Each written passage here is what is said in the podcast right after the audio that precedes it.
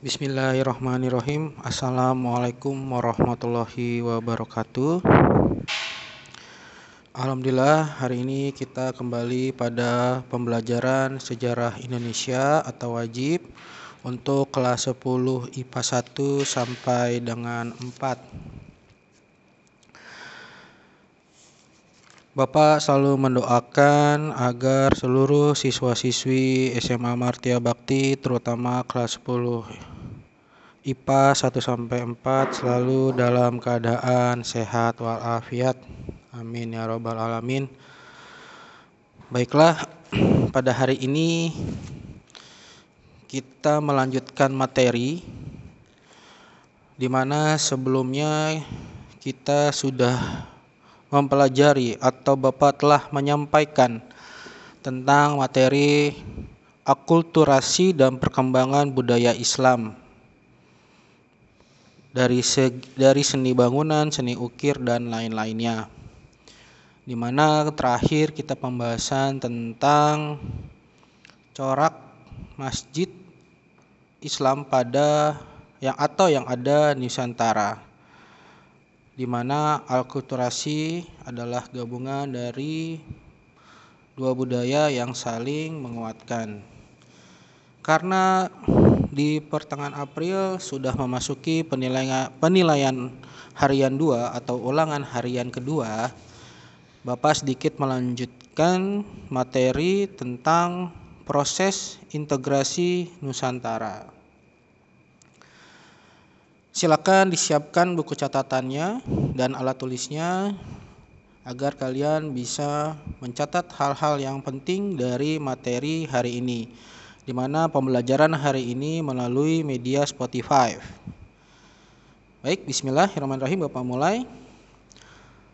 Proses integrasi bangsa Indonesia dimulai sejak abad ke-16 sampai dengan abad ke-19 dan diteruskan pada abad ke-20 melalui gerakan kebangsaan sebenarnya tidak berakhir sampai terbentuknya Negara Kesatuan Republik Indonesia pada ta pada tanggal 17 Agustus 1945 melainkan terus berlanjut sampai sekarang.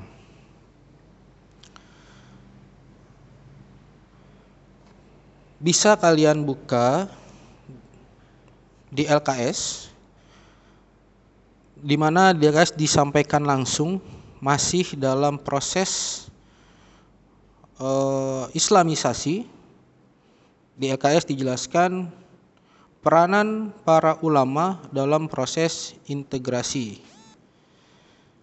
Islam mengajarkan persamaan, tidak mengenal kasta.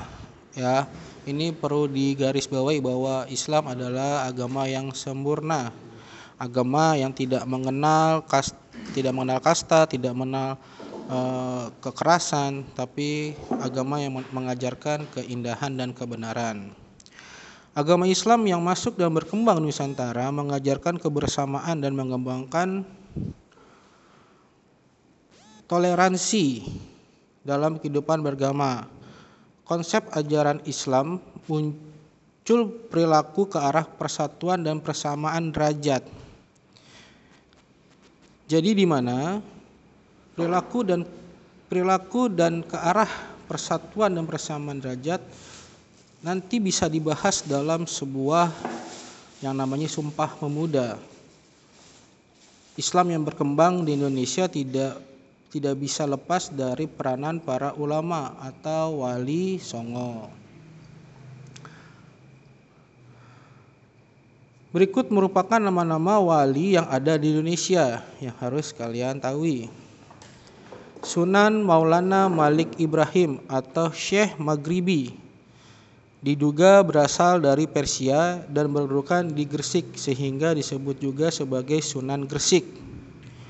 Sunan Maulana wafat dimakamkan di Gresik pada tahun 1419. Kedua adalah Sunan Ampel, berdudukan di Ampel, Surabaya, lahir tahun 1401 dengan nama asli Raden Rahmat Beliau sebagai pendiri pesantren Ampel Denta Surabaya dan termasuk perencana berdirinya kerajaan Demak. Tiga Sunan Bonang, Raden Maulana Mahdum Ibrahim. Adalah putra dari Raden Rahmat atau Sunan Ampel. Beliau tinggal di Bonang, dekat Tuban dan menyebarkan agama Islam di daerah Jawa Timur. Jadi kalian bisa uh, baca ya, bisa kalian bisa baca di LKS. Bapak sedikit menambahkan dari materi Bapak punya. Kalian boleh nanti membaca peranan para ulama termasuk sunan-sunan yang terakhir itu ada Sunan Gunung Jati atau Syarif Hidayatullah ya. Bapak melanjutkan materi yang Bapak punya. Faktor pemersatu terpenting di antara berbagai suku bangsa Nusantara adalah Islam. Islam mengatasi perbedaan-perbedaan yang terdapat di antara berbagai suku bangsa dan menjadi identitas yang yang mengatasi batas-batas geografis, simentimen etnis, identitas kesukuan, adat istiadat, dan tradisional lokal lainnya. Jadi Islam bisa mempersatukan itu semua. Tentu saja sejauh menyangkut pemahaman dan pengalaman Islam terdapat pula perbedaan-perbedaan tertentu terdalam ajaran Islam sesuai rumusan para ulama dan bukan identitas suku bangsa. Tadi Bapak menyampaikan peranan ulama dalam masyarakat, Islam tidak hanya sebagai figur ilmu atau ilmuwan yang menguasai dan memahami ajaran-ajaran Islam, tetapi sebagai penggerak, motivator masyarakat ke arah pengembangan dan pembangunan umat. Para ulama juga berperan dalam bidang politik, ekonomi, sosial, budaya, pendidikan, dan sebagainya. Peranan ulama dalam proses integrasi Nusantara antara lain sebagai berikut. Boleh kalian catat jika di LKS atau buku-buku tidak ada. Agama Islam yang masuk dan berkembang Nusantara mengajarkan kebersamaan dan mengembangkan toleransi dalam kehidupan. Seperti uh, kita dalam kehidupan sehari-hari ya, kita berhidupan beragama itu bertoleransi, uh, antar umat agama. Ada yang merayakan Natal, ada yang merayakan uh, Hari Raya Idul Fitri dan sebagainya. Itulah sikap intoleransi. Islam mengajarkan persamaan dan tidak mengenal kasta yang tadi Bapak sampaikan. Konsep ajaran Islam memunculkan perilaku ke arah pemersatu dan persamaan derajat. Jadi semuanya sama eh, derajatnya di mata Allah SWT tidak ada yang kaya, tidak ada yang ini, tidak ada darah biru dan sebagainya. Ada juga peran pelayaran dan perdagangan. Sebelumnya kita sudah belajar dan Bapak sudah menyampaikan Islam masuk ke dalam Nusantara melalui perdagangan. Pelayaran dan perdagangan antar pulau di kawasan Nusantara memiliki peran penting dalam proses integrasi bangsa Indonesia seperti menghubungkan penduduk satu pulau dengan pulau lainnya dalam pelayaran dan perdagangan. Laut memegang peranan yang sangat penting. Laut digunakan sebagai jalan bebas hambatan yang bisa digunakan oleh penduduk pulau mana pun. Laut merupakan jalan penghubung sekaligus sebagai pemersatu penduduk yang tinggal di Kepulauan Nusantara. Yang perlu kalian tahu, pastikan juga tahu bahwa Indonesia adalah negara kepulauan. Proses percampuran dan penyebaran budaya satu daerah terhadap daerah lainnya setelah jatuhnya Malaka ke tangan Portugis pada tahun 1511 sebagai kegiatan perdagangan Nusantara dialihkan ke Aceh, Banten, Makassar, Gresik dan lain-lainnya. Di kota tersebut seperti halnya di Malaka sebelum 1511 terjadi pertempuran antara berbagai suku bangsa. Dari pertemuan itu terjadilah pertukaran pengalaman tahun adat istiadat yang berbeda. Selanjutnya adalah dalam proses integra integrasi di Nusantara, salah satunya adalah peran bahasa. Bahasa Melayu cepat berkembang Nusantara karena hal-hal berikut. Bahasa Melayu digunakan hampir di semua pelabuhan-pelabuhan di Kepulauan Nusantara. Bahasa Melayu sejak zaman kuno sudah menjadi bahasa resmi negara Melayu dalam kurung daerah-daerah seperti Jambi, Bengkulu, daerah-daerah Sumatera itu banyak menggunakan bahasa-bahasa Melayu. Pada masa kejayaan kerajaan Sriwijaya, ya kalau tidak salah dipimpin oleh Bala Putra Dewa dengan patinya Patih Gajah Mada, Bangsa Melayu dijadikan bahasa resmi dan bahasa ilmu pengetahuan. Para pedagang di daerah-daerah sebelah timur Nusantara juga menggunakan bahasa Melayu sebagai pengantar. Pada tahun 1641, VOC merebut Malaka dan kemudian mendirikan sekolah-sekolah dengan menggunakan bahasa Melayu. Jadi ada tiga peran penting ya dalam eh, salah satunya adalah peran ulama, peran pelayaran dan perdagangan, yang ketiga adalah peran bahasa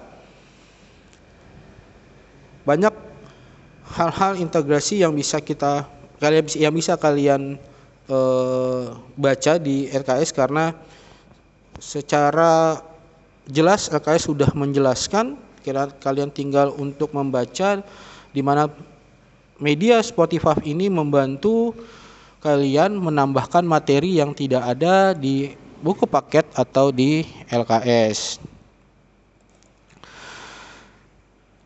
Baik, Bapak lanjutkan. Yang perlu kalian garis bawahi adalah ketiga faktor tersebut di mana faktor ulama, perdagangan dan bahasa perlu kalian pahami dan perlu kalian uh, tambahkan materi ini ke dalam uh, eh, LKS silakan kalian catat ya uh, materi ini di dalam LKS agar tidak terlalu banyak catatan nanti ketika kalian melakukan pembelajaran. Sedikit Bapak tambahkan, dalam proses integrasi